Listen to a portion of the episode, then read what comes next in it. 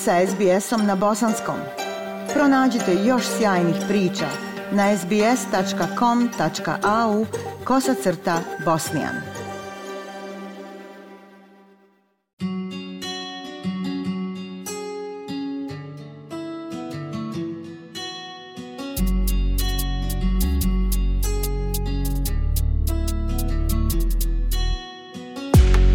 Slušate SBS program na bosanskom jeziku. Mnogi Australci su zabrinuti za svoje rođake koji su ostali u Gazi i Libanu. Savezna vlada kaže da čini sve što je u njenoj moći da otvori prijelaz na granici s Egiptom i osigura bezbjedan prolaz civila s više od 70 Australaca i članova uže familije koji su još uvijek zarobljeni u Gazi. U međuvremenu u Libanu s tenzijama koje prijete eskalacijom između Izraela i Hezbolaha oko 15.000 australaca poziva se da razmisle o odlasku. Međutim, kako izvještavaju Debora Grork, Ryan Tamer i Abby O'Brien, za neke ljude to nije tako jednostavno. Oh!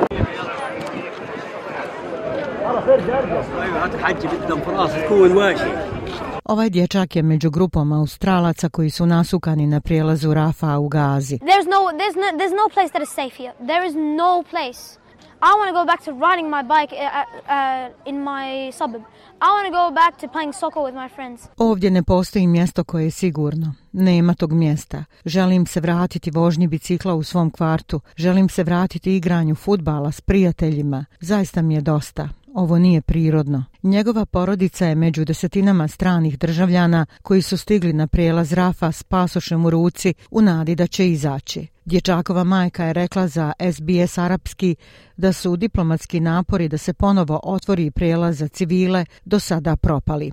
We've been told like the, the Australian uh, officials they called me they called us uh, multiple times telling us to come here to Rekli su nam australski zvaničnici Zvali su nas više puta govoreći nam da dođemo ovamo, da pređemo granicu, ali nažalost nema ništa ozbiljno. Za sada nema ozbiljnih akcija.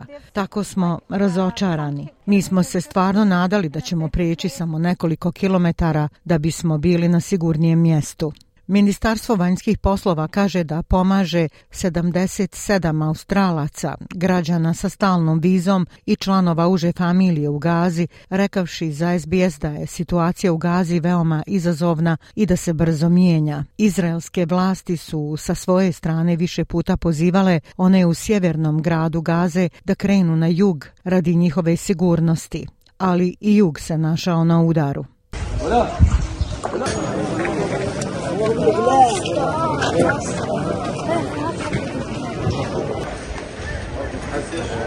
بعضكم حسبنا حسبي الله ونعم الوكيل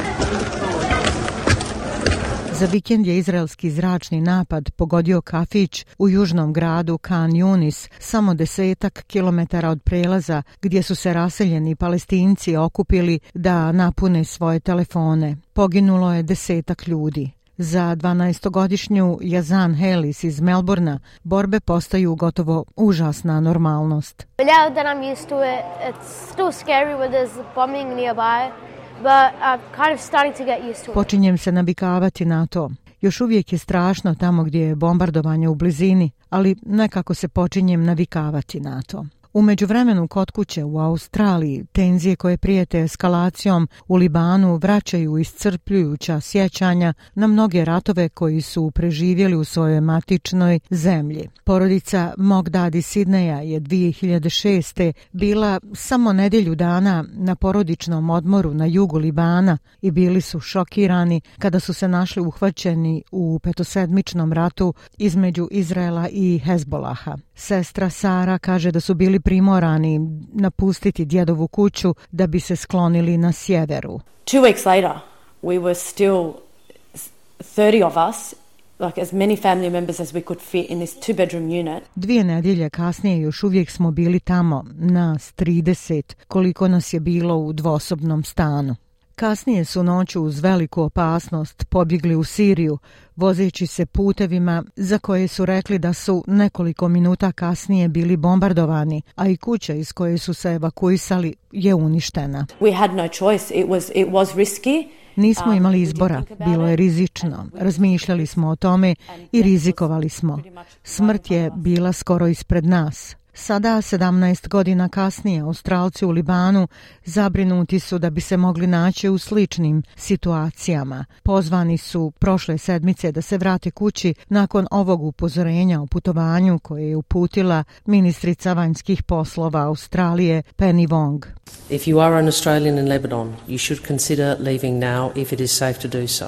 Ako ste Australci u Libanu, trebali biste razmisliti o odlasku sada ako je to bezbjedno.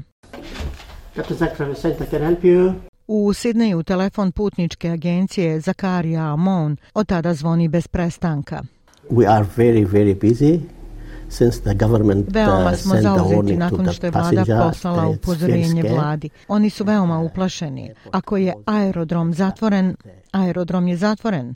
Oni su tu zaglavili. Sara Mogdad kaže da se mnogi njeni rođaci spremaju za evakuaciju ali za njenu australsku rodicu Ninu Risk, koja je bila usred odmora u Libanu prije događaja od 7. oktobra, nije tako jednostavno. That's so unfair and so selfish of us to just to pack up and run. Where these people are actually stuck here. To je tako nepravedno i sebično od nas da se samo spakujemo i bježimo od tamo gdje su ovi ljudi zapravo zaglavljeni. Imali smo sreću da smo rođeni u Australiji i tamo imamo sigurno utočište, ali ovi ljudi nemaju. Sara kaže da na osnovu njenog iskustva niko i nigdje nije siguran. The fact that I, I was there and I lived it and I can feel it, it's definitely not something I wish upon any human. Činjenica da sam bila tamo i da sam to proživjela, to definitivno nije nešto što bih poželjela bilo kom čovjeku. Za SBS na bosanskom jeziku Aisha Hadži Ahmetović. Like, share, comment. Pratite SBS Bosnian na Facebooku.